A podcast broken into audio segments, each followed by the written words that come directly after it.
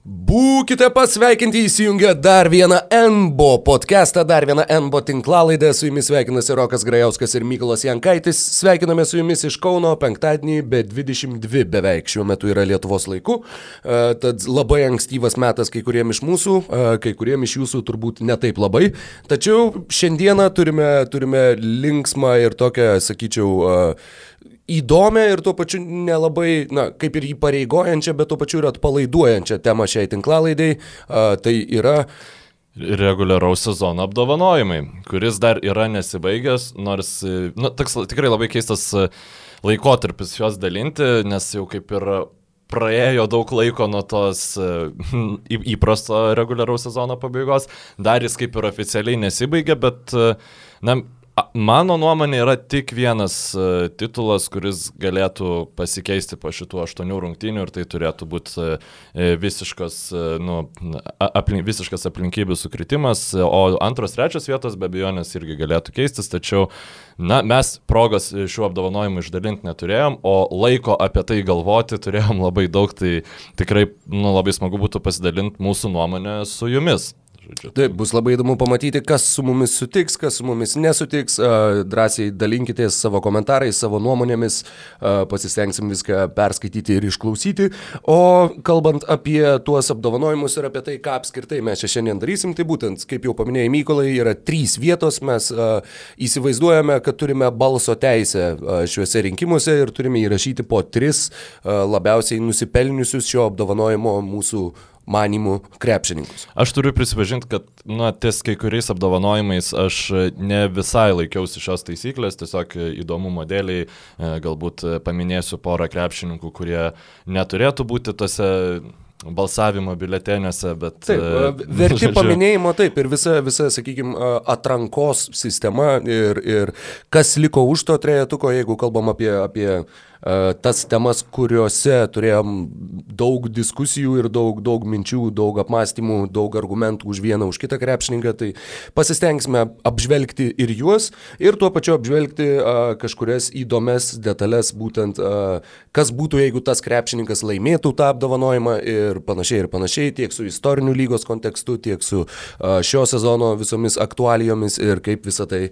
atrodys. Tad pradedam turbūt nuo to apdovanojimo, kuris yra pats pats pagrindinis ir, ir kuris nors ir e, turėjo, sakykime, šiokių tokių, na, buvo iššaukęs šiokių tokių diskusijų, tačiau manau, jog e, šią akimirką MVP titulo klausimas turbūt abejonių nekelia beveik niekam, nebent užkietėjusiam Los Angeles Lakers arba Lebrono Jameso gerbėjam. Taip, čia tiesiog norint e, neskirti apdovanojimą Janijui Antetokumpo, reikia labai norėt to, tą padaryti, reikia sakyti, kad na, čia rytų konferencija yra visiškai ne tas pats, kas yra vakarų konferencija, reikia sakyti, kad tai yra krepšininkas, kuris e, neįrodęs dar nieko atkrintamosiose, nors tai visiškai neturi nieko bendro su MVP e, titulu, kuris yra reguliariojo sezono apdovanojimas. Ir Janis Antetokumpo iš visų e, kandidatų yra absoliučiai iš visų MVP kandidatų jis yra vienareikšmiškai dviem galvom ger, geriau besiginantis, už tiek už Lebroną Jamesą, tiek už Jamesą Hardeną, Luką Dončičių ir e, taip toliau. Na, nebent Anthony Davisą mes skaitytumėm kaip MVP kandidatą, aš to ne, neturėjau jo savo tam pradiniam sąraše. Mm, tai tikrai e, krepšininkas žaidžiantis įspūdingą sezoną, Rokai, gal tu kažką dar nori papildyti? Uh, Ar tu taip, nori tai Sirtakio tai paklausyti tiesiog? Sirtakio jau gal, gal ir užteks, bet e, kalbant apie Janį, būtent e, stengiausi, na, kai, kai peržiūrėjo statistiką ir kai šiaip esi, na, atsimeni, kaip jisai juda, atrodo aikštėje, kokią įtaką jisai turi Milwaukee Bucks žaidimui, a, tai yra Būtent, kad norėdamas ieškoti argumentų, tu turi ieškoti nebent argumentų prieš, kodėl jisai nu, neturėtų gauti to apdovanojimo. Ar, ar ko nors tai tokio, taip, bet uh, apskritai kalbant apie būtent šį jo reguliarų į sezoną, tai yra ne tik, kad naudingiausias šio sezono krepšininkas, bet tai yra vienas iš naudingiausių, naudingiausių krepšininkų apskritai per, per pakankamai ilgą laiką, tiek kalbant apie tradicinės statistikos skaičius, tiek kalbant apie išplėstinę statistiką. Gal apie... Šiek tiek tos tradicinės statistikos dar, nu, 29,6 taško per rungtynes, 13,7 atkovoto kamulio, 11,5 iš jų yra atkovojama gynyba, tai aišku, dėka nuostabaus Bruko Lopezo box out bei Robino Lopezo žaidimo. E, taip pat 55 mm, procentų pataikymas į žaidimą po 20 metimų metama per rungtynės, tai šeši rezultatyvūs perdavimai, na, keturios klaidos beveik per rungtynės, tačiau tai yra nu, visiškai normalu, nes tai yra krepšininkas, per kurį eina visas jo žaidimas ir ar tu gal šiek tiek tos išplėstinės statistikos išsirašai? Ar. Išsirašyti neišsirašiau, tačiau mm. apskritai Milwaukee Bucks yra komanda, kuri demonstruoja vieną iš, iš galingiausių pasirodymų, nors, sakykime, netgi, netgi tame sezone, kai Golden State Warriors surinko 73 pergalės, jų, uh, sakykime, pergalių skirtumas ir tuo pačiu išplėstinės statistikos, tai yra puolimo ir gynybos reitingų skirtumas, nebuvo toks dominuojantis, Taip. koks šiais metais buvo Milwaukee Bucks uh, užfiksuotas pasirodymas. Uh, ir kalbant apie patį Janį, visa ta tavo išvardinta statistika, įspūdingi atkovotų kamolių skaičiai, na tai yra žmogus, kuris, uh, taip, Polime renka taškus faktiškai, nežinau, Jameso Hardeno tempais ir tuo pačiu gynyboje yra, yra To sužinosim, dar ir vėliau paminėsim. Taip, taip, taip. Ne, neužbėkim įvykiam už akių. Ir vienas labai įdomus skaičius man, kalbant apie Janį, yra tai, jog jisai šiame sezone jisai žaidė po mažiau negu 31 minutę. Jo nebuvo tarp top 30 krepšininkų lygoje pagal sužaidžiamų minučių skaičių. Ir, ir tiem... Mažiau jisai žaidė tik tai pirmą savo sezoną. E, ir tuo pačiu, jeigu jisai laimės šitą MVP apdovanojimą antrą išėlė savo karjeroj, tai jisai bus mažiausiai minučių per rungtynės žaidęs MVP visoje lygos istorijoje. Niekas nelaimėjo MVP titulo su tokiu mažu minučių skaičiumi. Ar manai, kad yra scenarius, kuriame jis gali nelaimėti? Ta prasme, kad, kad nežinau, jeigu Baks pralaimėtų visas aštuonerias rungtynės ir... Kas tikrai netrodo tikėtina. Taip, bet ta prasme, man net ir tokiu atveju, jeigu, pavyzdžiui, Baks netikrai prastai užbaigtų šį sezoną dėl kažkokių tais aplinkybių, uh, aš vis vien manau, kad e, tai yra visiškai MVP titulo nusipelnęs krepšininkas. Tad, Na, prasme... ne, nebent, nežinau, Lebronas rinktų kažkokius astronominius skaičius nu, jo, grįžtų už Lakers, kažkoks... bet, bet tai yra, na, e, kaip suprantu, mes abu sutinkam, jog Lebronas Džeimsas liko antras šituose rinkimuose. E, dar kalbant apie tas minutės, trys iš keturių mažiausiai minučių žaidusių MVP per lygos istoriją, jeigu įskaičiuojam šiuos metus, tai galimai keturi iš penkių tų mažiausiai minučių žaidusių naudingiausių sezono krepšininkų buvo per pastaruosius šešis sezonus. Na tai parodo, į ką, į ką orientuojasi komandos turinčius geriausius krepšininkus, ne į reguliarų į sezoną, o į atkrintamasis. Na, na ir... taip, ir tiesiog kaip, kaip pasikeitė, na, lyginant su tuo, daugiausiai žaidęs minučių buvo Viltas Chamberlainas su 47,3. Tai yra, tu faktiškai žaidi be keitimų kiekvienose rungtynėse. Tad skaičius tikrai neįtikėtinas ir, ir parodantis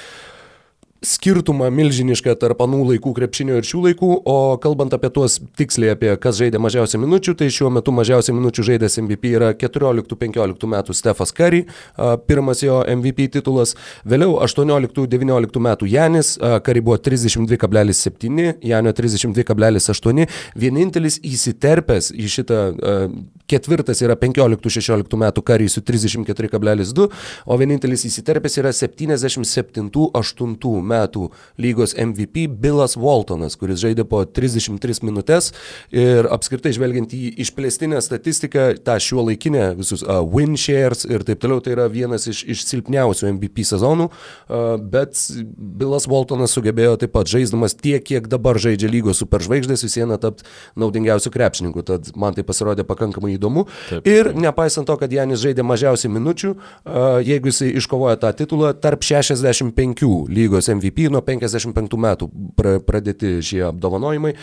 Jisai būtų 19 pagal rezultatyvumą, 25 pagal rezultatyvius perdavimus ir 24 pagal atkovotus kamuolius, kas galbūt neatrodo pernelyg įspūdinga, bet atsižvelgiant į tai, kad jis žaidė mažiausiai minučių, atsižvelgiant į tai, jog devynis kartus MVP tapę krepšininkai rinko po daugiau negu 22 atkovotus kamuolius, tai yra būtent anų laikų. Visi devyni rezultatai yra Vilto Chamberlaino ir Bilo Russelo, bet, uh, sakykime, tai lygiuotis į tuos skaičius taip pat yra, yra na, tiesiog beprotiška, ypač atsižvelgiant į tai, jog tu žaidži 30 minučių per rungtynės ir Janio Antetokumpo tikrai, na, tas statistiškai žvelgiant, žvelgiant į, į uh, visą jo pasirodymą ir tai, kad jisai tai padarė taip efektyviai ir per tokį mažą žaidimo laiko kiekį, uh, sakau, susidaro įspūdis, jog tai yra apskritai vienas iš naudingiausių, naudingiausių krepšininkų, tačiau nenoriu pasakyti, kad tai yra vienas geriausių visų laikų krepšininkų, o... tiesiog tai yra vienas iš vat, didžiausią naudą komandos žaidimui atnešusių uh, žaidėjų per labai labai ilgą laiką. Ar tu manai, kad Janis yra geriausias krepšininkas lygoje? Šiuo metu? Kaip sunku būtent pamatuoti ir atskirti Gerai, tos dalykus, kadangi... Tau matai... reikia, pradedi formuoti komandą vienam sezonui, ne, ne ten franšizą, kur ir panašiai, bet uh, turi pirmą šaukimą. Ir, nu, tavo tikslas yra laimėti žiedus sezono pabaigoje. Sunku pasakyti, man, man, man dar reikėtų pagalvoti. Žinai, man dar labai anksti, bet 22. tai. Uh, bet uh, skirtumas tarp to naudingiausio ir geriausio krepšininko, sakau, didelis, čia yra ja. labai didelis ir mes čia jau ir šnekam apie atkrintamasias varžybas. Ir tam, kad jisai tikrai įtvirtintų bent jau vienam sezonui savo kaip geriausio krepšininko planetoje statusą, jisai turi laimėti čempiono titulą. Man labai įdomu, kada atsitiks taip, kad Janis rinks tos pačius skaičius, Baks bus tokia pat gera komanda ir, mm, na, mes arba šiaip bendroji publika taps tokia, kad jau, ai, nu čia gal jau reikia už kažką kitą prabalsuotas vadinamasis e, balsavimo nuovargis, taip, žodžiu, kur taip. E, Lebronas Džeimsas yra tą labai kentęs savo karjeroje, kur nu, nuostabiai žaidžia. Hardanas. Džeimsas Hardanas, taip, na, tiesiog, kad, ai, nu tai ką jis čia jau daro, tai čia, žinai, nu, nieko įspūdingo, ne tai, kad nieko įspūdingo, bet jis vis viengi nelaimi.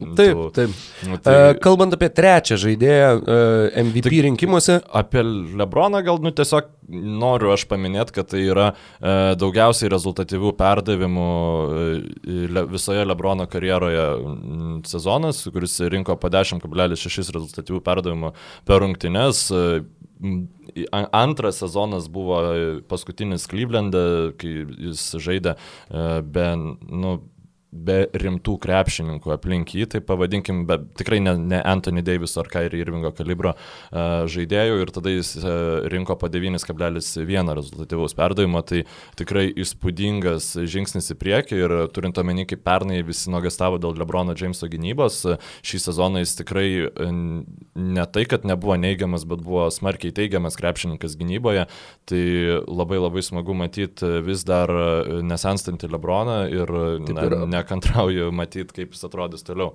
Taip pat krintamosiose manau, kad tikrai matysim tą tu, turbo režimą Lebrono Jameso. Beje, jisai, jeigu nesumeluosiu, tapo vyriausių krepšininkų, kuris pirmą kartą savo karjeroje bent 10 rezultatyvių perdavimų mm, rinko.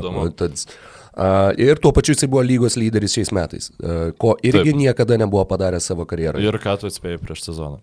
Uh, taip, ačiū, ačiū, kad priminėjai. Trečias žaidėjas, mano manimu, čia yra vienas iš tų klausimų, kuriuos gali nulemti tos aštuonerios likusios rungtynės, kadangi man bent jau, mano akimis, šiai, šiai dienai, jeigu daugiau reguliariojo sezono rungtynių nebūtų, aš rašyčiau Jamesą Hardeną trečioje vietoje, bet jeigu sugebėtų Dallaso Mavericks aplenkti Houstono Rockets ir, ir pakilti aukščiau, tuomet Luka Dončičius turėtų labai solidų argumentą mano, mano akise. Aš e, irgi rašyčiau Jamesą Hardeną trečioje vietoje, nebus šįsi kažkokio įdomaus ginčio dėl šios pozicijos, tiesiog e, Jamesas Hardenas turbūt turi daugiausia to mm, nuovargio dėl savo rezultatų ir mm, ypatingai neįvertintas krepšininkas yra Lietuvoje. Nu, tos e, bendrosios krepšinio medijos, nežinau, gal nemėgsta Hardeną dėl kažkokių priežasčių žmonės, bet e, ką svarbu žinoti apie Jamesą Hardeną šį sezoną. E, vienas krepšininkų, kuris turėjo net buvo tikimasi iš jo daug pagalbos. Erikas Gordonas didžiąją reguliariojo sezono dalį buvo tiesiog na, labai labai labai prastas krepšininkas, žodžiu, ir polime jis visiškai nepadėjo Jamesui Hardenui. Russellas Westbrookas pusę sezono buvo irgi visiškai ne savo vėžiose ir nebuvo labai destruktyv, destruktyvus krepšininkas, dėl to Hardeną dažnai dvigumint, atsiprašau, Hardeno komandos dažnai dvigubindavo na, atakos pradžioje iš karto.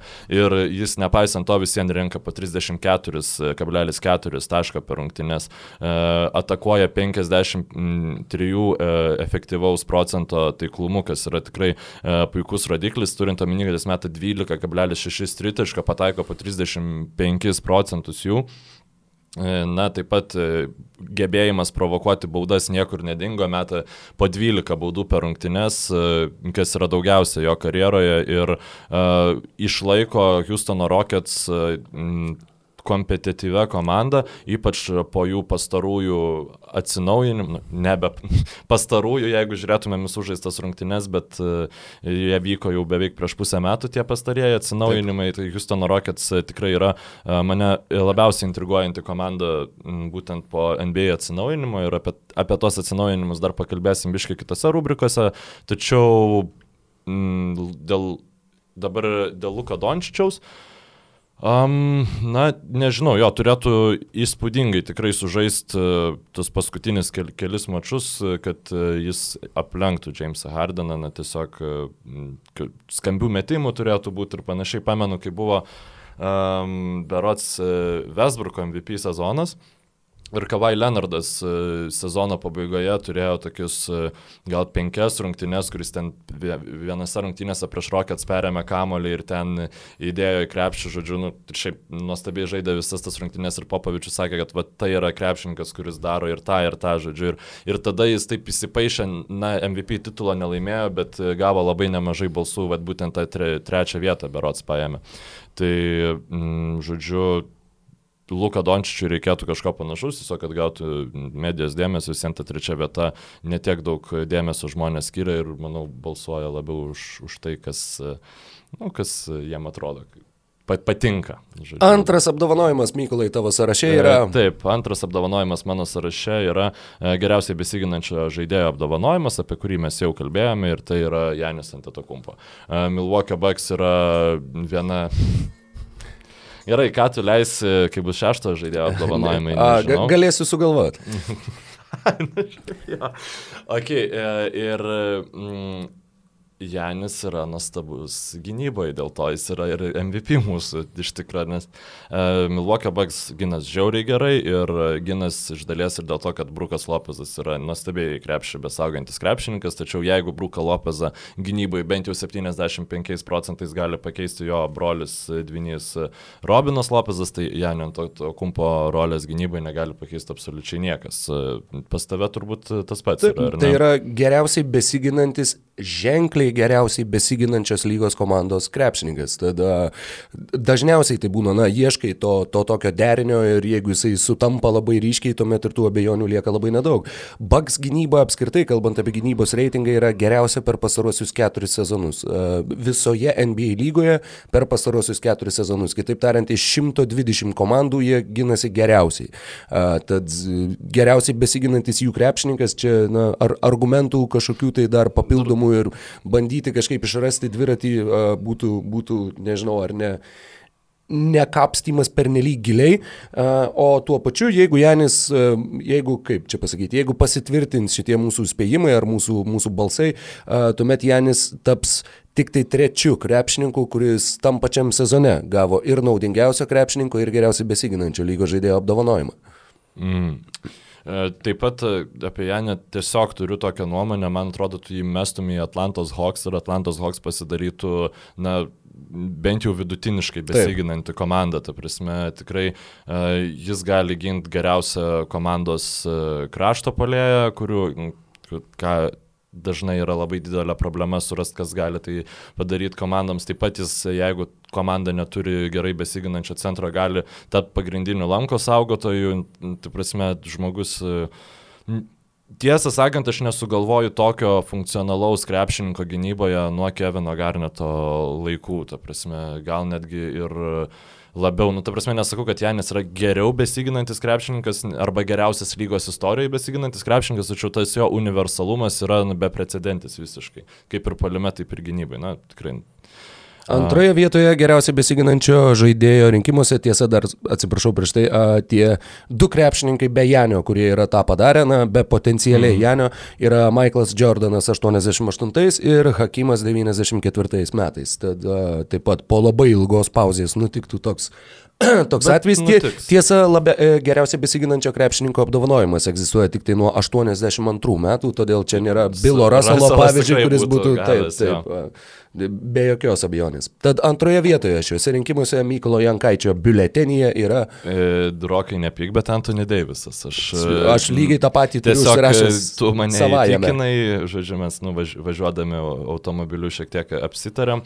Aš galvojau Rudy Goberą rašyti, tačiau Roko argumentai, kuriuos galbūt jam ir pa, pa, paliksiu pateikti, mane įtikina, kad Anthony Davisas, na, iš ties vėl universalumas kaip aukštaūgių yra ne, nepaprastas, taip pat jis yra tos įdomios Lakers gynybos dalis, kuri tikrai neturi ir Džavalą Magį, ir Dwightą Howardą, ir tokia yra bai, nu, itin didelė komanda, turint omeny, kad dar šalia jo yra Lebronas Jamesas ir jis labai daug tos atlieka pagalbinės gynybos, kuomet tai yra paliekamas prie prašiausiai uh, besi, puolančio priešininkų komandos krepšininko, nuostabus krepšinio intelektas, žodžiu, ir uh, taip pat uh, labai greitai sugeba skaityti situaciją, žodžiu, pareguliuoti uh, magį, pavyzdžiui, gynybai, na, ta prasme tikrai labai uh, smagu pagaliau Deivisą matyti itin ir labai geroj komandai, žodžiu, Taip, tai yra geriausiai besiginanti komanda Deiviso karjeroj. Uh, tai, tai yra, wow, kaip taip gali būti. E, tre, trečia geriausiai besiginanti komanda lygoje šiais metais buvo Los Angeles Lakers, bet gynyba faktiškai buvo netgi jų stipresnioji žaidimo pusė negu puolimas. Uh, ir uh, antra geriausiai besiginanti komanda buvo Toronto Raptors, kuriuose, kaip ir šnekėjom pakeliui, kol kas yra sunku išskirti kažkokį vieną žaidėją, dėl kurio jie taip gerai gintus. Tai tiesiog yra be, bendras komandinis darbas, tai yra milžiniškas trenerio uh, nuopelnas, tai yra sistemos kaitaliojimai ir visa kita. Uh, o kalbant apie Rudy Goberą, teko visgi man jį užrašyti trečių uh, numerių, kadangi, sakau, teko, kadangi Jutas Jazz buvo 11 geriausiai besiginanti komanda lygui ir nors Juta turi per pastarosius metus tą reputaciją, kad tai yra labai gerai besiginanti komanda, uh, bet šiais metais tai, tai dingo, žinoma, ne tiek dėl Gobero kalties, kiek dėl komandos komplektacijos pokyčių. Uh, Bojan Bojanas Bogdanovičius, Maikas Conley, žaidėjai, kuriuos reikėjo integruoti, įtraukti į sistemą. Ir Varso nebėra, kuris labai taip. daug prisidėjo prie geros džiazo gynybos ankstesniais sezonais.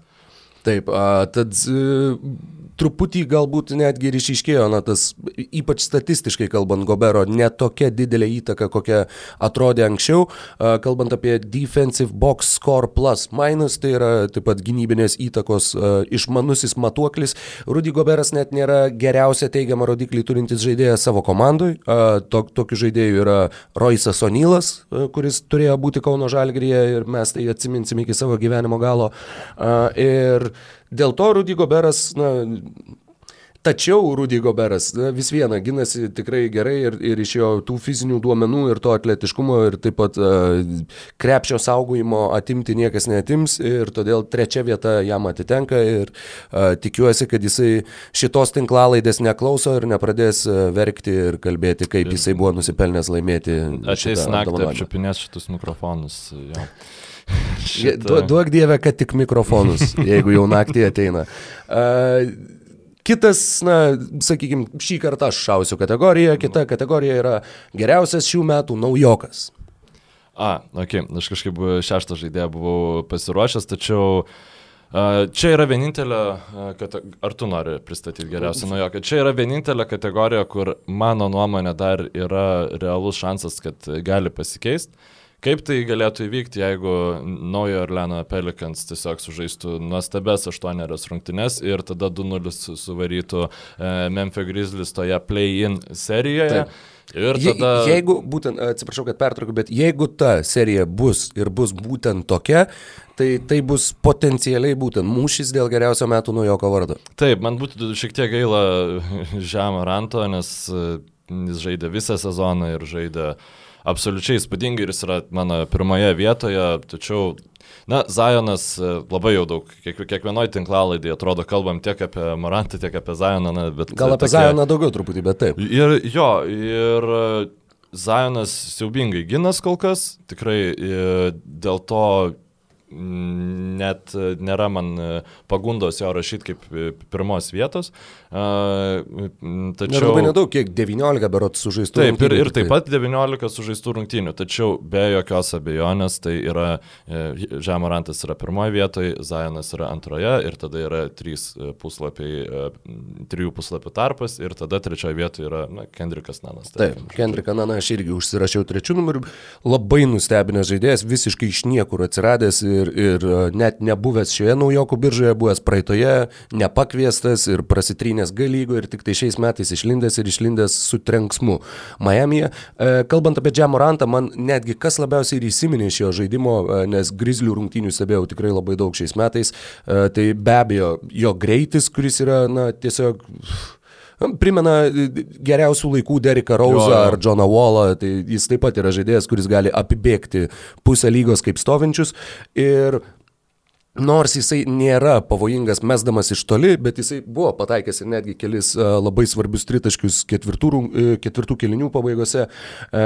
bet būtent kalbant apie ketvirtuosius kelinukus, e, sakau, tai ir buvo tas skaičius, kuris man labai įstrigo, nes jis buvo rungtynių, kur per ketvirtą kelnį sumesdavo netoli 20 taškų ir kai svarbiose įtemptose rungtynėse ir kai tiesiog nieko negali padaryti varžovai prieš jį, kai jis, e, jeigu gauna bent kiek tą pirmą žingsnį ir galimybę verštis link krepšio. Ir uh, žiūrint į statistiką ketvirto, būtent ketvirtų kelinukų šiais metais NBA lygoje, rezultatyviausi krepšininkai buvo uh, Jamesas Hardinas ir Trey Youngas, rinkė po 8,7 taško ketvirtame kelinuke, Jamorantas rinko 7,3 ir buvo septintas šiame sąraše, tarp jų dar buvo Bradley Bylas, Janis, Lebronas ir Kyrie Irvingas. Tad uh, tarp visiškų superžvaigždžių atsidūręs yra Jamorantas ir iš žaidimo ketvirtose kelinukuose jisai metė 56 procentų taiklumu ir pirmame dvidešimtuke. Vienintelis taikliau metęs žaidėjas yra ironiškai Zionas Williamsonas. A, tačiau abiejų šių krepšininkų žaidimo stilius be abejo diktuoja tą, tą aukštą pataikymo procentą, abu jie geriau jaučiasi atakuodami iš, iš artimų distancijų, Zajonas susikūrė tas galimybės tiek per jėgą, tiek per poliume atkovotus kamuolius, Džia būtent greičiu ir prasiveržimais ir gebėjimu užbaigti atakas per kontaktą, tad antras taikliausias tarp visų 20 geriausių ketvirto kelinuko žaidėjų ir tuo pačiu trečias daugiausiai rezultatyvių perdavimų ketvirtose kelinukuose atlikęs krepšininkas po Lebrono Jameso ir Trejango. Uh, tad būtent, ket, kai žaidėjas sugeba taip atsiskleisti ketvirtose kelinukuose, tai rodo, na, net nežinau, emocinę, psichologinę brandą, kad svarbiausiamis akimirkomis jis bent jau kol kas uh, nesulūšta ir tikrai žaidžia labai įspūdingai.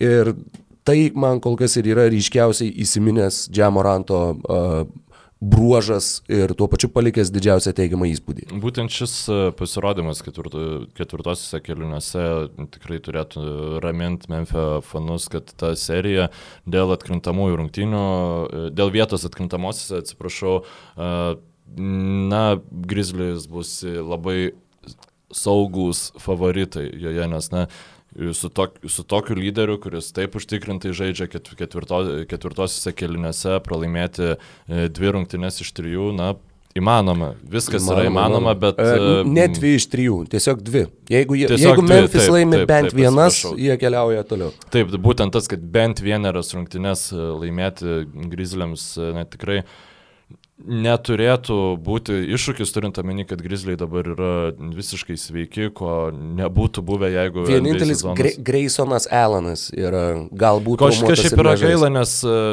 Grizzlies labai trūksta ir žia, labai trūksta metikų aplink jį, jie turi nuostabų į Žeraną Jacksoną jaunesnį. Dylaną Bruksą, kuris iš esmės nėra geras sniperis. Nėra geras sniperis, bet na, bent jau jo negali laisvą palikti ir tada jau kaip ir uh, Jonas Valančių, nu, ta prasme.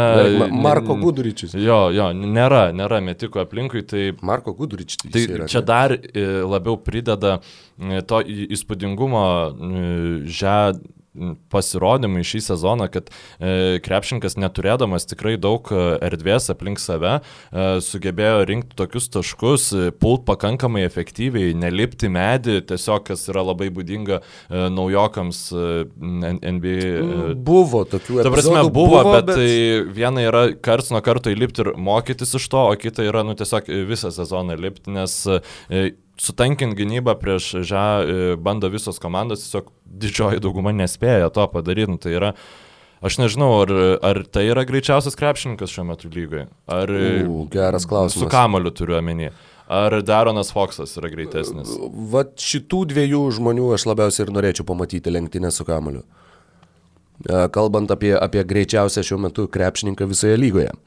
E, O kalbant apie labiausiai patobulėjusį krepšininką visoje lygoje, kiek žinau, mūsų nuomonės čia išsiskiria ir man visada labai smagu, kai tos nuomonės skiriasi ir galim uh, pa paargumentuoti vienas už kitą ir sugebėti, nežinau, nesusimušti, ne, nesusipykti ir, ir uh, palaikyti diskusiją kaip kultūringi uh, vyriškiai.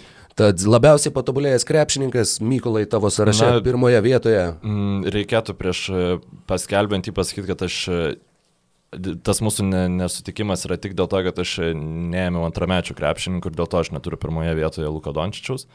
Nes, na, tiesiog man taip yra įdomiau, žodžiu, ir... Viskas gerai, aš tiesiog... Taip, aš ir, irgi neturiu pirmoje vietoje Luka Dončičiaus. Mm, pirmoje vietoje aš turiu Brandoną Ingramą, e, krepšininkas, kurį aš buvau e, ne tai, kad nurašęs, bet e, galvojau...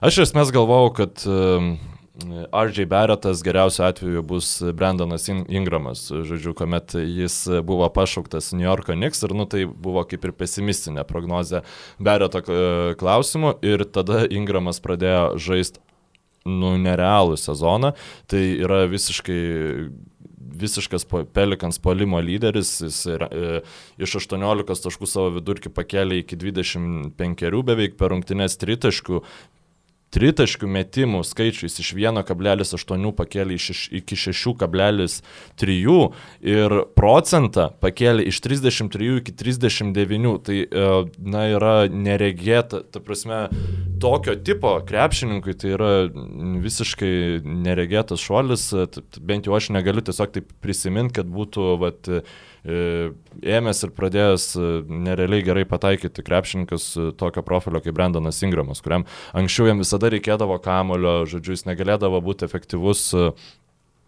polime, jeigu jis nėra pagrindinis polimo kuriejas, dabar jis iš siaubingo uh, E, Demens e, Zajono puzliai, kuri vis dėlto yra pagrindinė e, naujojo Orleano Pelikans užduotis, ilgainiui tapo nuostabių partnerių šiam krepšininkui. Na, gynybai čia jau kiti klausimai, taip pat patobulėjo jisai ir puolime, nes atlieka vienu poli, žaidimo kūrime, nes atlieka 1,3 perdavimo daugiau negu atlikdavo anksčiau, tai yra po 4,3, e, bei e, atlieka ten, na, 3 klaidas per rungtynes, tai yra 0,6 daugiau negu atlikdavo praėjusiam sezone, tai šuolis tikrai įspūdingas ir tiesiog man tai yra absoliučiai netikėta ir aš iš to solidarumo, kad prisimčiau tą nu, neteisuolio etiketę, e, dedu Ingramą į pirmą vietą.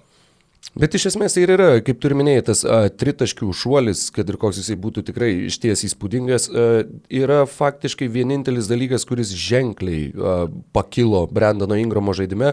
Tas šešių taškų rezultatyvumo šuolis taip pat yra dėl to, jog vietoj to, kad tu meti tolimus dvitaškius, tu meti tritaškius ir faktiškai beveik tas, tas ant to ir kompensuojasi, a, sakykim. Ir apskritai tas, na, Taip, pakilo, patobulėjo, žaidė visų žvaigždžių rungtynėse, 22 metų. Galima atsiminti ir tai, jog e, jo statistika, manau, jog iš, išpūtė kažkiek tai, jog Zajono nebuvo tokia didelė sezono dalį ir tiesiog Pelikans reikėjo to puolimo lyderio, kuris, kuris išmestų didžiąją metimų dalį komandos puolime. Tačiau mano pirmoje labiausiai patobulėjusių krepšininkų rinkimų vietoje atsidūrė dar vienas 22 metų krepšininkas, taip pat pirmą kartą žaidęs visų žvaigždžių rungtynėse, tai Bemas Adebayo iš Miami Heat, kuris uh, tapo vienu iš įdomiausių vidurio polėjų, kai, kai dar pernai jisai atrodė kaip žaidėjas, kuris galbūt kažkada bus, na, turėtų, galbūt va, kažkas gali iš jo išaukti. Šiais metais mes matėm kiek potencialo dar jisai turi ir, ir kokį milžinišką šuolį atliko. Kalbant apie statistiką, rezultatyvumas išaugo beveik dvigubai, nuo, nuo beveik 9 iki daugiau negu 16 taškų, 10,5 atkovoto kamulio, daugiau negu 5 rezultatyvūs perdavimai per rungtynes, kas taip pat yra labai įspūdingas skaičius. Ir kalbant ir, ir apie tai, kaip Miami Heat išnaudoja Bema Debajo visiškai kitaip negu praėjusiais metais ir tuo pačiu, kiek jisai tų žaidimo savybių atskleidė, na, tarkim, kai atkovojęs kamuolį gynyboje pats eina į varžovo aikštės pusę su kamoliu ir, ir sugeba netgi priimti sprendimus, skirstyti perdavimus ir tą daryti protingai. A, tai yra Jeigu Brandonas Ingramas pakeitė komandą ir atsidūrė kitose aplinkybėse, na gerai, su Lonzo Bolu ir Joshu Hartu, tačiau vis tiek visiškai, na, pasikeitė visas kontekstas aplinkui jį, tai Bemas Adebajo liko toj pačioj komandoje su tuo pačiu vyriausiųjų treneriu ir tiesiog sugebėjo šitaip uh, tokį šuolį taip pat atlikti, na, tokį progresą, kuris, jeigu ir tikėjomės iš jo krepšininko progreso, manau, kad tikėjosi daug kas, tai tiek, kiek jam pavyko padaryti, yra tiesiog stulbinantis šuolis ir, ir man tai paliko labai labai didelį įspūdį. E, taip, pas mane Bemas yra antroje vietoje, tiesiog noriu pabrėžti, kad e, jeigu nebūčiau tos e, taisyklės taikęs antramečių, tai pirmoje vietoje būtų pas mane Luka Dončičius, be abejonės, tačiau Dėl Ingramo labai trumpai tik noriu pasakyti, kad e, tavo hipotezė dėl vidutinių metimų, kad jo, jis juos pakeitė tritaškais yra neteisi. Jis meta po tiek pat trita, vidutinių metimų, kaip ir metė praėjusią sezoną. Nu tai tiesiog norėjau e, atliepti okay, šitą okay. argumentą, Geras. nes labai logiška hipotezė tiesiog. E, ir taip pat noriu pabrėžti, kad na, jis prieš tai būdavo tie palimai, kurių Brendonas Ingramas būdavo šis, na, tai būdavo labai neestetiško ir, nu, tai jis žaisdavo prastose komandose. Ta prasme, jeigu Ingramas Taip. yra tavo pagrindinis e, polės, e, polantysis krepšininkas, tavo komanda nebus gera. Aš Pelikans ne, nelaikau prastą komandą šį sezoną. Taip, jie ne, nepa, nepapuola į atkrintamasis, tačiau... Kol kas, bet, uh, bet tai nėra pernykščiai ar užpernykščiai, taip, ar dar senesni laikeriai. Tai... Taip, o pri, einant prie Bemo Debajo, tai tiesiog, e, nežinau, nuo pirmos naujokų biržos, man tiesiog jo tas vardas, pavardė po Bismako bijombo, man tai yra maloniausias skiemenų junginys NBA lygoje. Tau žiūrėjau, B raidės labai patinka. Nu, kažkaip, Turi būti centras bam, su daug B. Taip, taip, taip, Benas Volasas yra mano mėgstamiausias krepšininkas, tai nu gal kažkokie tokie... Saboniai irgi turi po B raidę pavardė. E, taip, ir tai tas jo polimo inicijavimas, kuris, e, na, sakykime, yra visiškai netikėta lašelinė Miami hit komandai, kuri e, šį sezoną, kas galėjo pagalvoti, kad vat, mūsų antras žaidimo kuriejas iš esmės bus e, centras. Uh, na, Šita... Teoriškai antras, bet Miami savo leidžia dėl to, kad jie turi Bema Debajo žaisti realiai be įžaidėjo starto penketą. Ir dėl to, kad jie neturi... Jimmy Butleris daug kontroliuoja kamuolį tada, kai tai yra pozicinis polimas ir to reikia tiesiog kamuolį įjudinančio, net ne tiek perdavimais, kiek būtent ir driblingų krepšininko, o Bemas Adebajo yra, yra ašis taip pat, aplink kurią sukasi labai ir daug polimo. Šiaip šitas krepšininkas atkrintamosiose, kuomet hit teks žaisti prieš Paskalį Siekamą, kuomet hit teks žaisti prieš Janintą Tokumpo. Jeigu teks. Na, prasme, aš kalbu net ne apie šį sezoną, bet kalbu apie ateinančius sezonus, tai, tik, tai yra absoliučiai na, vienas geriausių centrų gintis prieš šios krepšininkus, nes jeigu reikia, tu gali, jis gali puikiai keistis, bet jis gali pastovėti ir už save. E, būdamas pagrindiniu lankos augotoju, žodžiu, šitą frazę nuostabi. E, tai visiškai negaliu ginčytis, kad tu įdėjai į pirmą vietą, aš labai labai mėgstu šį krepšininką, žodžiu, o trečioje vietoje, ką tu esi įsirašęs? E, dar tik tai pagalvojau, čia visiškai ne į temą, bet jeigu yra lietsargis, tai galbūt galėtų būti lietuviškas naujadaras lanksargis. lanksargis ja, labai geras lanksargis. Įsirašau. Sk skamba siaubingai, bet, bet užsirašyk, jeigu ką. Įsirašau. Į... Antroje vietoje aš turėjau Luką Dončičių, kuris milžinišką šuolį padarė, na, milžinišką iš tos pusės, kad po jo puikaus debutinio sezono galvojom, kad galbūt jisai gali būti geresnis, bet ne tiek geresnis, bet apie jų esam daug kalbėję mūsų tinklalaidėse, tad pernelyg nesiplėsiu. Trečioje vietoje aš turėjau Trey Youngą, kuris vis viena taip pat polimo naštą, na, turi milžinišką ir, ir sugeba vis vieną patempti komandą ant savo jaunų gležnų pečių. O tarptų žaidėjų, kuriuos norėjau paminėti, taip pat turėjau Brandoną Ingramą, kurį, kurį tu turėjai pirmų numerių, ir žaidėją, kuris sezono pradžioje atrodė kaip na, vienas iš favoritų labai ryškių laimėti šitą apdovanojimą, tačiau sezono eigoje jo visa statistika gerokai smuko, tai Devonta Grehamą iš Charlotte's Hornets, kuris sezono pradžioje, kai, kai sakau, ir jį dar turėjau savo fantasy komandoje, labai labai tiesiog džiūgavau ir galvojau, kad pasisekė neįtikėtinai, kad sugalvojau pasimti šitą krepšininką, nes tiek tritaškių taiklumas, tiek rezultatyvių perdavimų, jisai turėjo eilę rungtynių, kur nežinau, su 30 taškų 10 rezultatyvių perdavimų ir, ir panašiai. Tad buvo įspūdingas startas, bet vėliau tas startas gerokai nuslopo ir tuo pačiu Charlotte's Hornets.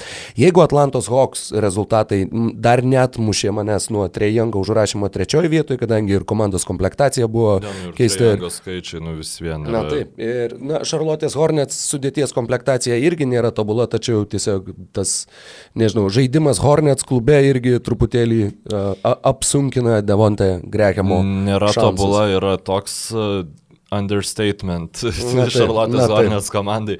Uh, Čia, aš čia labai taip diplomatiškai. Labai paminėti du krepšininkus dar šioje kategorijoje, tikrai trumpai, tai vienas iš jų yra Paskalis Jakamas, e, ypač pir, pirmoje sezono dalyje Paskalis Jakamas e, tiesiog apsijėmė e, Raptors polimo lyderio rolę ir jisai tapo iš krepšininko, kuris e, tiesiog atakuoja gynybinius netitikimus, mažesnius krepšininkus ir tas pagalbininkas Kavai Leonardui, jis iš jo tapo krepšininku, kuris yra lyderis vienos iš geresnių NBA komandų šiame reguliariajame sezone, kaip ir gynybai, taip ir poliume labai patobulinama savo metimą po driblingo. Ir apskritai to, to, toliau ir mane stebina Paskalio Siekamo progresas, tačiau traumas ir kiti dalykai tikrai neleido. Ir tuo pačiu jam... niekas nėra e, laimėję labiausiai patobulėjusio krepšininko, apskritai du kartus niekas nėra laimėjęs, o du kartus iš eilės jo labiau. Taip, taip, tačiau buvo momentas, kai galvau, o gal, bet tikrai jau to nebebus. Ir uh, Hardaway's jaunesnysis tiesiog iš visiškai, visiškai žalingo krepšininko, kuris buvo kaip uh, neigiamas kontraktas prisimtas Dallas Mavericks tapo normaliu roleplayeriu, e, žaidžiančiu efektyviai, pataikančiu iš toli, žodžiu, aišku, dėka to, kad jis žaidžia šalia Luko Dončičiaus, tačiau tai, kad jis sugebėjo integruotis į komandą su normaliu polimu, polimu jo nesugadindamas, su kaip aš galvojau, kad polimu. bus. Taip, su vienu geria, geriausių polimų istorijoje. Berots geriausių visų laikų iki tada, kai buvo sustabdytas sezonas. Taip, taip, taip, taip. Tai kol kas dar tas nepasikeitė. Tritaškių taiklumas jo išaugo nuo 32 procentų iki 40, tas irgi yra labai įspūdinga. Žodžiu, šaunuolis uh, Timai. Timukas. Labai, labai, labai faina, nes uh, Nu, prisiminkim, kad buvo gautas Kristapas Porzingis, atiduotas uh, Smithas jaunesnysis, dievo koks tai Denisas. Denisas Smithas jaunesnysis ir Hardaway'us buvo prisimtas kaip uh, tas blogas kontraktas, žodžiu, kad oi kaip gerai. Ir Courtney Niks, Lee, ar ne? I, taip, taip, kad, uh, žodžiu, oi kaip gerai, kad Niksai atsikratė Hardaway'us šitose mainose, kur dabar, nu, gal ir būtų gerai Hardaway'ui turėti prie tų visų sunkiųjų kraštų, kai pagalvoji, nu, bet, žodžiu. Ir tada sekanti kategorija, ar dar noriu? Geriausias šeštas žaidėjas, tai paskutinė žaidėjų apdovanojimų kategorija ir mes turim dar dvi a, kategorijas, kurios yra skirtos žmonėm, kurie a, vienu atveju apskritai lieka už kadro, dažniausiai kitu atveju tiesiog a, yra dirigentai visiems tiem choram, apie kuriuos... Aš nežinau ir įsirašau į pirmą vietą. Tai... Labai gerai. Tad geriausias šeštas žaidėjas - Mykolai. Uh, jo, visiškai mm, krepšininkas, kuris visiškai paneigia mano įsitikinimus apie poziciją, uh, apie gerą šios pozicijos krepšininką, koks jis turėtų būti. Tai yra centras, kuris nesigina, kuris ne, nekovoja dėl kamolių ir kuris yra žiauriai geras krepšininkas polime. Tai yra Montrezas Herelas iš uh, Los Angeles Clippers. Žodžiu, tobulas atsarginio krepšininko tiesiog ati, m, įkūnyjimas, e, tu turi Montrezą Herelą ant suolo ir padorų bent jau žaidėją, tu gali sukti 2 prieš 2 ir tavo suolas jau bus geresnis negu 20 komandų lygoje. Žodžiu, e, suolo palimas, atsiprašau. E, tikrai kaip jis sugeba pritraukti krepšininkų, leisdamasis prie krepšio, tas gravitacija, žodžiu, kuri labai mėgstamas terminas NBA komentatorių yra turbūt viena didžiausių lygoje iš visų centrų. Taip, labai atveria.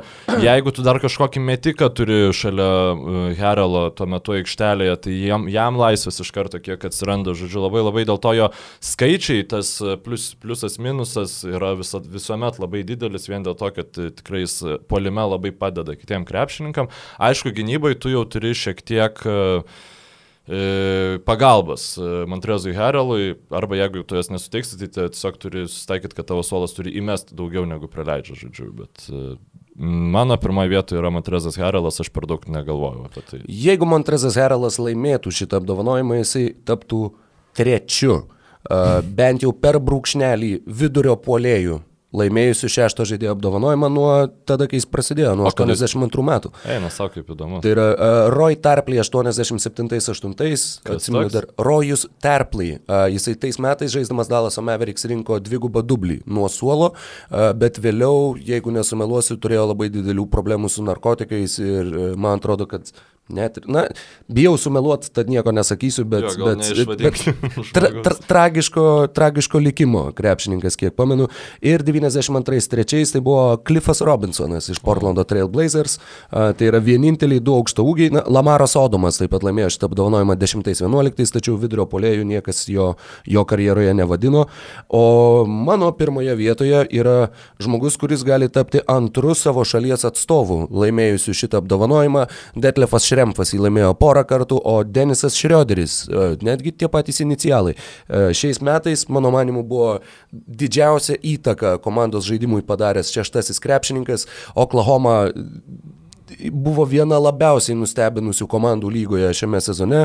Ir apskritai kalbant apie, jeigu nesumeluosiu, nuo sausio mėnesio, jie turėjo ar ne antrą geriausią pergalių pralaimėjimų santyki visoje lygoje ir viena iš to priežasčių buvo trijų gynėjų kombinacija, tai Krisas Polas, Šeigildžis Aleksandris ir Denisas Šrioderis kartu aikštėje. Ir jie visi trys sugebėjo tapti neišsprendžiamą myslę varžovams, o kalbant apie patį Šrioderį, 19 taškų per rungtynes kylant nuo suolo, jisai buvo rezultatyviausias nuo suolo kylantis krepšininkas šiais metais NBA lygoje rezultatyviau savo karjeroje jisai žaidė tik tai paskutiniais metais Atlantoje, 19 ir 40-osios.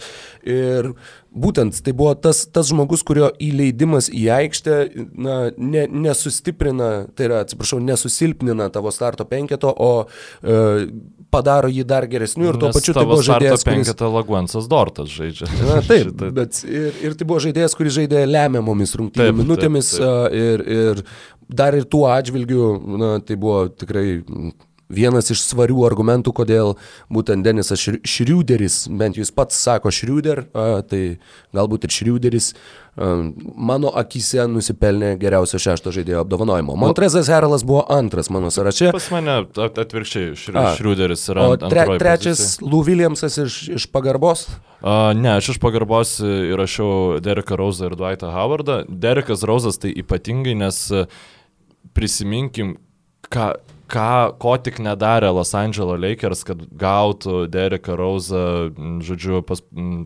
paskutinę tą e, žaidėjų turgaus savaitę. Ten vos net Denny Greeną siūlė, kur nu atrodo jau čia visiška nesąmonė, bet tikrai e, labai labai smagu matyti Dereką Rauzą, kur ne tai, kad O sužaidžia geras rungtynes ir tada visi rašo, va čia Derekas Rauzas pagaliau padarė tą ir tą, o jis šį sezoną tikrai, kiek jis žaidė, jis žaidė labai produktyvų, gerą krepšinį nuo suolo ir E, tokių žaidėjų ant, ant suolo lygoje nėra daug. Deriko Rauzo kalibro, tai e, tas yra labai smagu. E, dar tik tai apie Šriuderį norėjau pasakyti, kad labai geros aplinkybės sukrito jam, nes jam Jis tai trijų gynėjų linijoje e, už, yra Krisas Polas ir Šei Gilžas Aleksandris. Polas gali pasimti geriausią, geriausiai polantį gynėją tuo metu, Aleksandris gali pasimti ir netokius didelius sunkiu, e, nu, kraštus, žodžiu. Tai e, Šriuderis gali ginti jau tą prasčiausiai polantį krepšininką, žodžiu, tas jo nėra stiprioji pusė. Taip, tai ta situacija, jo, patogiai. nors jisai buvo tiesiog už, už Karmelo Antonį, kai norėjo išmest Karmelo Antonį iš komandos Oklahoma ir atrodė, kad, na, Šriuderis, tai, na, tai kas, kaip, kaip čia Jis bus, buvo kaip čia ką. Neigiamas kontraktas taip, paimtas, taip. kaip ir, kaip ir Timas, Timas Ardavai. Žodžiu, dar vienas žmogus, kuris iš destru... ir jis tikrai prastai žaidė anksčiau, iki šio sezono, tai aš Įtariu, kad čia yra labai labai didelė Kriso Polo įtaka, patobulėjęs Deniso Šrioderio e, žaidimas, Negaliu aš to įrodyti, bet e, galbūt pamatysim tada, kai Krisas Polas e, pagaliau pakabins būtus. Ne, būtus. Nu, labas vakaras. Botus. Taip, čia mes e, futbolo NBO podcastą žaidžiame. Taip. Uh, Roza ir Howard aš buvau užsirašęs kaip, tu, kaip tuos paminėtinus ir už trejetuko ribų likusius krepšininkus. Uh, Rozas apskritai, na, Detroito komandos polimas buvo šiais metais toks, kad Rozas galėjo daryti, ką nori ir netgi darydamas visiškai, ką nori, tai buvo beveik visada geriausia opcija polime. Uh, Detroitui, tad, tad tai taip pat buvo aplinkybių įtaka. Na, mums liko tie du apdovanojimai, mes jau čia beveik 50 minučių kalbame su jumis, labai tikiuosi, kad juos neprailgo. Visų pirma, tai geriausias metų treneris ir čia manau, jog tikrai abu du nesiginčysim ir sutiksim, jog tai yra čempionų treneris. treneris. Jono Kazlausko karjerą Vilnius Lietuvos rytą. E, triviją, kurią sužinojau šiandien e, klausydamas Roko, vat, labai, labai smagu. E, žodžiu, pasirodo, aš, aš nežinau, kad Nikas Narsas 2004 metais treniravo Brighton Barons. Brighton Bears.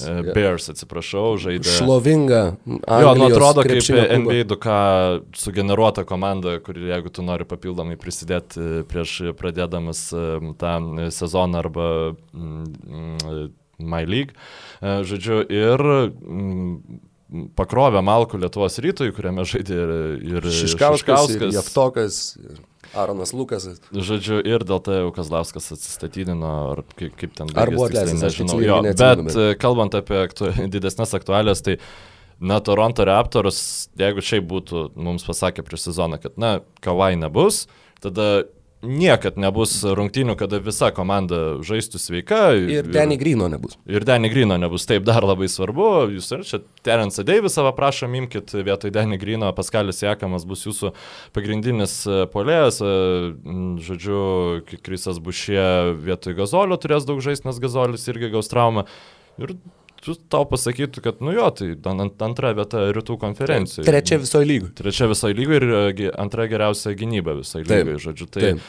Uh, treneris, kuris stebuk, stebuklingai daug uh, pritaikymų rungtynių metu sugeba tos legendinės rungtynės prieš Dalasą Meveriks, kuomet uh, buvo pradėtas uh, atsiliekant labai dideliu taškų skirtumu, trečiame kilinėje buvo pradėtas taikyti spaudimas per visą aikštę ir dėka Raptors talento na, Meveriks nebeturėjo kur dėtis, nežinojo kaip užpulti ir Taip, kadangi paleido niekas, tas rungtynes, niekas to nedaro Pacers. Mhm.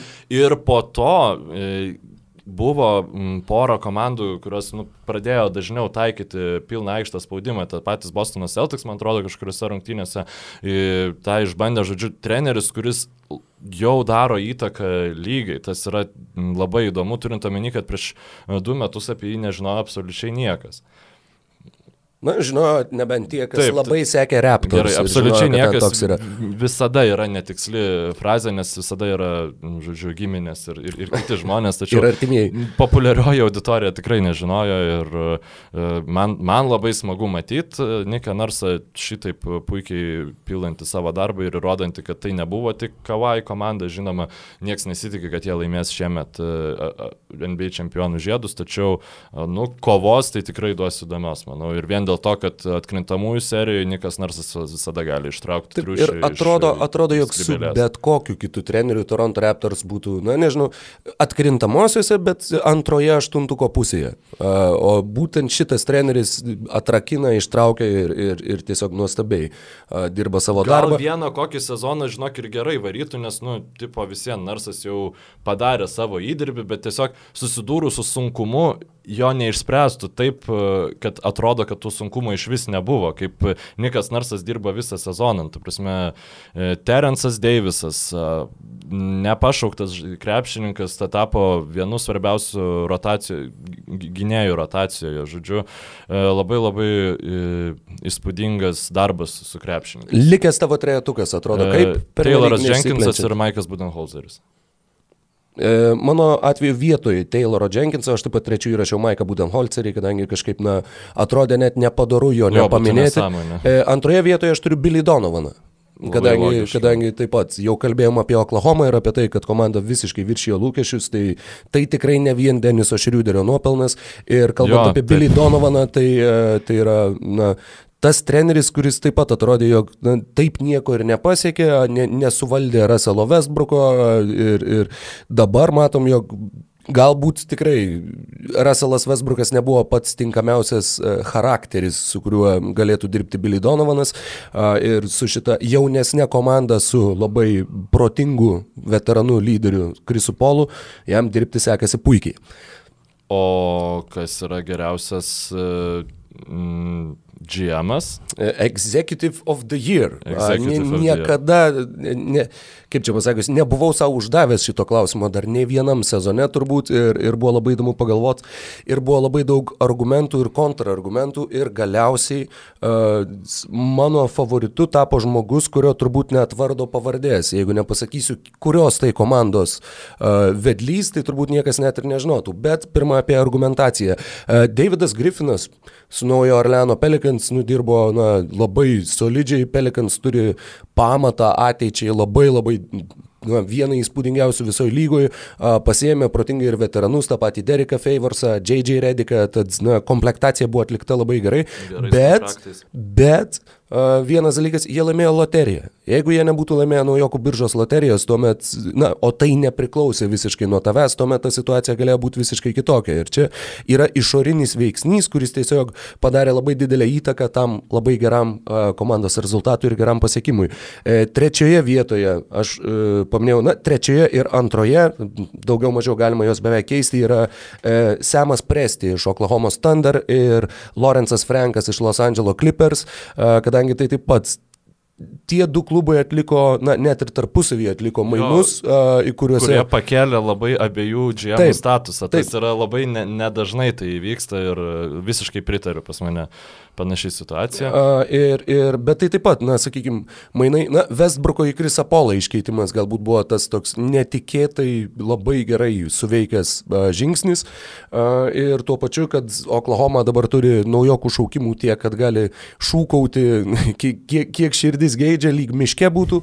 A, Los Angeles Clippers gavo Kawhi Leonardą, gavo Paulą Džordžą, tačiau tai taip pat buvo na, įtaka ir pačių žaidėjų. Ir taip, tu be abejo. Bet, e, na nežinau, jie gavo tas krepšininkus nepaukodami savo e, kertinių suolo žaidėjų. Tai prasme, tik, tikrai taip, nereikia da, nuvertinti puikus, taip, taip. to facilitatoriaus, e, žodžiu, net jeigu Vaidmens. tai ir buvo žaidėjų, žaidėjų norai, na, Mes matom gerai, Deivisas norėjo į, į Lakerius, bet, tu prasme, Lakersai basi paliko vos ne po tų mainų, tai, žodžiu, o Clippers taip tokių pastebimų kažkokių skilių neatsivėrė, po, Na, gavus du absoliučiai elitinius krepšininkus. Tai... E, tačiau, pirmoje vietoje ir aš dabar supratau, jog šitam klubui irgi truputį pasisekė, net netruputį, o pasisekė šią vasarą, tačiau tai žmogus, kuris labai labai tyliai, su labai, na, atrodytų minimaliais resursais, nudirbo labai gerą darbą ir tai yra visiškai neįtikėtina, kadangi tai žmogus, kuris dirba pirmą sezoną lygoje. Jo vardas pavardė yra Zekas Klaimanas.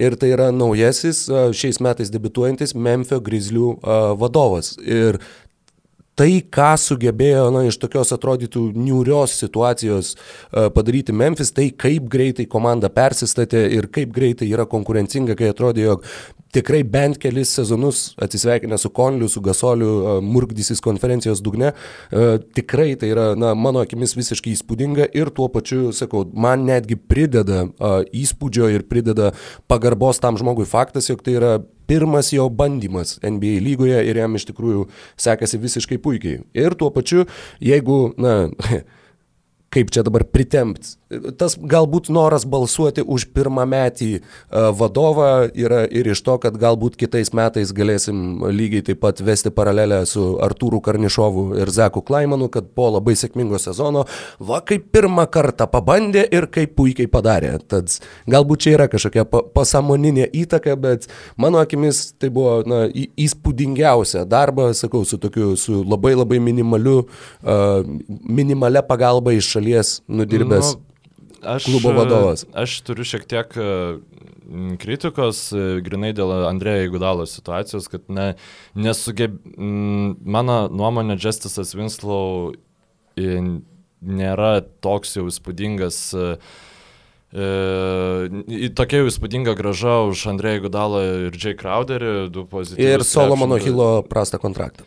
E, taip, jie gavo Diana Waitersą, prast, dar prastesnį kontraktą, kurį iš karto išpirko už tai. Tai, žodžiu, ir um, Tiesiog e, aš tikrai tikėjausi, kad e, kai jie gavo tą Andrei Gudalą, kad bent jau pirmo raundo šaukimas e, tikrai bus susiveiktas už tai. Na, na, jie labai... gavo iš, iš pačių Warriors už tai, kad priėmė tai Andrei tai Gudalą. Yra dėl ko, jis, dėl ko aš nesakau, kad čia yra nesąmonė, tai kad jis yra pirmoje vietoje, tikrai jis labai gerai atrodo Memphis, Memphis Grizzlies, bet Žodžiu, tai, kad jeigu jie nebūtų gavę antro šaukimo, tai aš nežinau, ar mes dabar taip jau įspūdingai e, lėbau, lėbautume, nu kas čia per išsireiškimas, kokie, džiaugtumėmės, kokia gera ta grizli situacija, jeigu ten būtų, aš nu, nežinau, kas ten, ar Džiberetas, ar, ar, ar kažkas tokio vietoje žemo ranto. Galbūt, galbūt. Nu, čia jau vadabautizmai prasideda pas mane pirmoje vietoje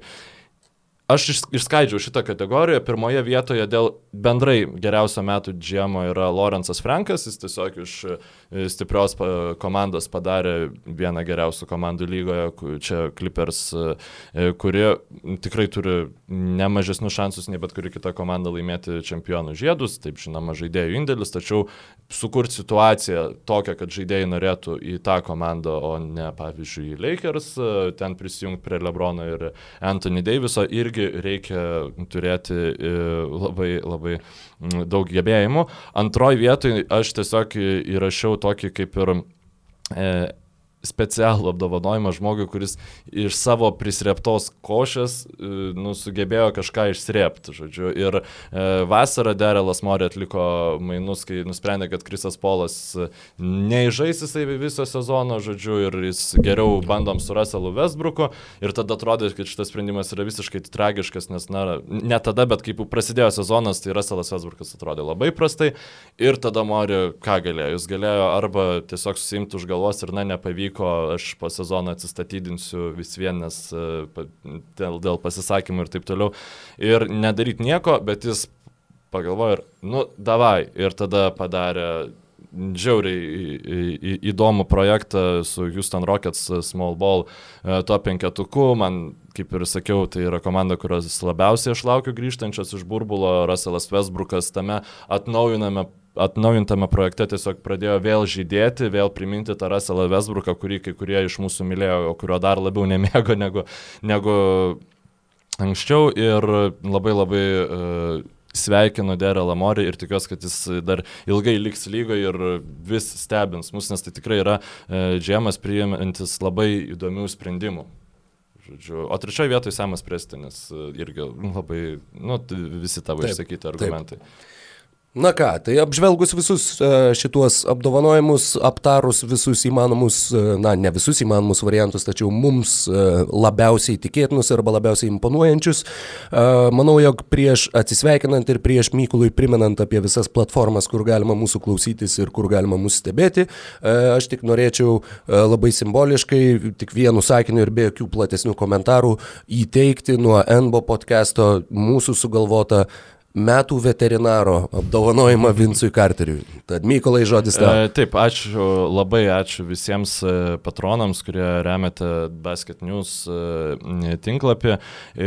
Mus galite rasti mūsų visas tinklalaidas e, Basket News YouTube kanale, taip pat Spotify, e, Google podcast, e, Apple podcast ir visose kitose podcastų klausymosi platformose, kad ir kur jūs juos klausote, patogiausia aišku yra Podbin, ten užsiprenumeruosit ir nebereiks jau tikrinti, kada išeis mūsų podcastas, nes visada gausite pranešimus, žodžiu, laukiam jūsų klausimų, pastebėjimų ir visų kitų minčių, kurios gali kilti po šitų mūsų įrašų įrašų. Ačiū, kad klausot, ačiū, kad klausysit ir sėkmės. Laimingai.